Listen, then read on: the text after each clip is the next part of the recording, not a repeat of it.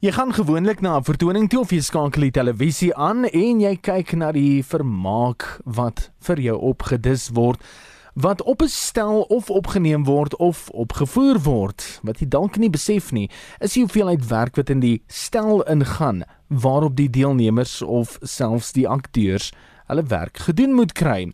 Een van die land se top stelontwerpers is Michael Gill van Michael Gill Designs. En Michael het al die lang pad gestap van die SAIK tot waar hy vandag is. Hy is op die lyn met ons. Michael, baie welkom by middag op RSG. Wat is die basiese dinge van stelontwerp? Uh, so basically, uh, normally what happens, a producer or director uh, comes to me and they basically have a vision of, say, they want a talk show or they've got a massive variety show or a sports channel comes to me or a news channel and they say, mm. we want a whole new look. And then basically, um, they tell me basically what areas they require, whether it's interview areas for one-on-one sitting at a desk or couch areas.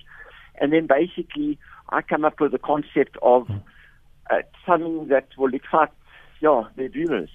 Is dit eintlik soos 'n groter weergawe van blokkies speel vir groot mense as jy die stel aan mekaar begin sit, Michael? Absolutely. It, you know, it is a massive uh, collaborative uh, hmm. venture because I have to know about lighting, I, know, I have to know about sound, I need to know where the director will put his cameras. I need to, you know, you need to have an overall perspective of everything to pull it all hmm. together because I could draw a beautiful picture, but it doesn't come across on television that hmm. way. So that is always my biggest concern. You know, once I've presented something, once I've drawn it up, I then have to make it reality. And mm. It's exciting when you see that reality actually come to fruition.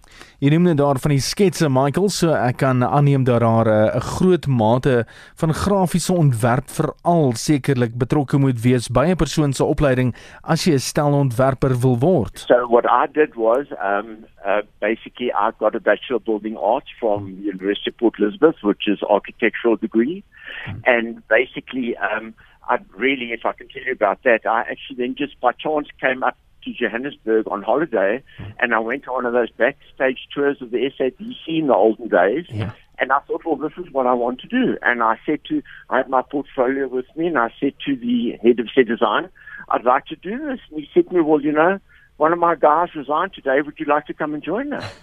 so it was so weird for me. It was just meant to be.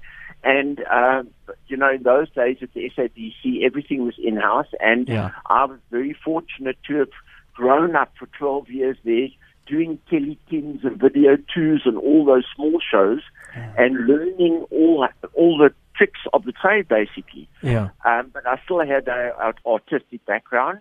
But, you know, today mm. you can still go and do a lot of these uh, theatre um, courses at university or at the Technicons, at theatre yeah. crafts and then you can specialize in set design or lighting or producing or directing or anything like that. En Michael, deur die jare, veral as jy terugkyk na van jou eerste werke byvoorbeeld, kyk jy terug na die werke en dink by jouself, "Sjoe, dit was goeie stelontwerp geweest onder omstandighede." Of kyk jy daarna en jy dink by jouself, "Ek kon dit soveel anders gedoen het." I think definitely uh, my style has evolved. Hmm. Um, I think you can see uh, my architectural training comes through in my design.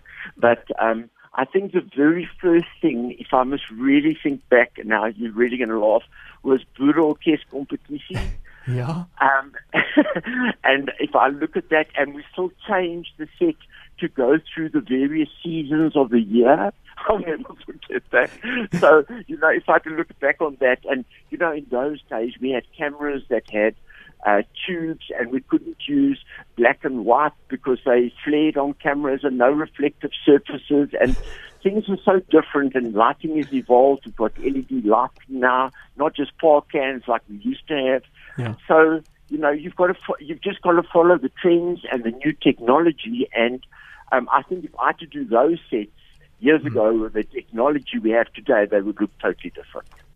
En daai woorde van een van ons land se topstelontwerpers, Michael Gill van Michael Gill Designs wat met ons gesels het oor stelontwerp. So volgende keer as jy 'n vertoning bywoon of jy gaan kyk na iets op die planke en daar's 'n stel by betrokke, dink aan die hoeveelheid werk wat in 'n stel soos daai ingaan. Ouens soos Michael Gill is die breine wat agter daai stelontwerpe sit.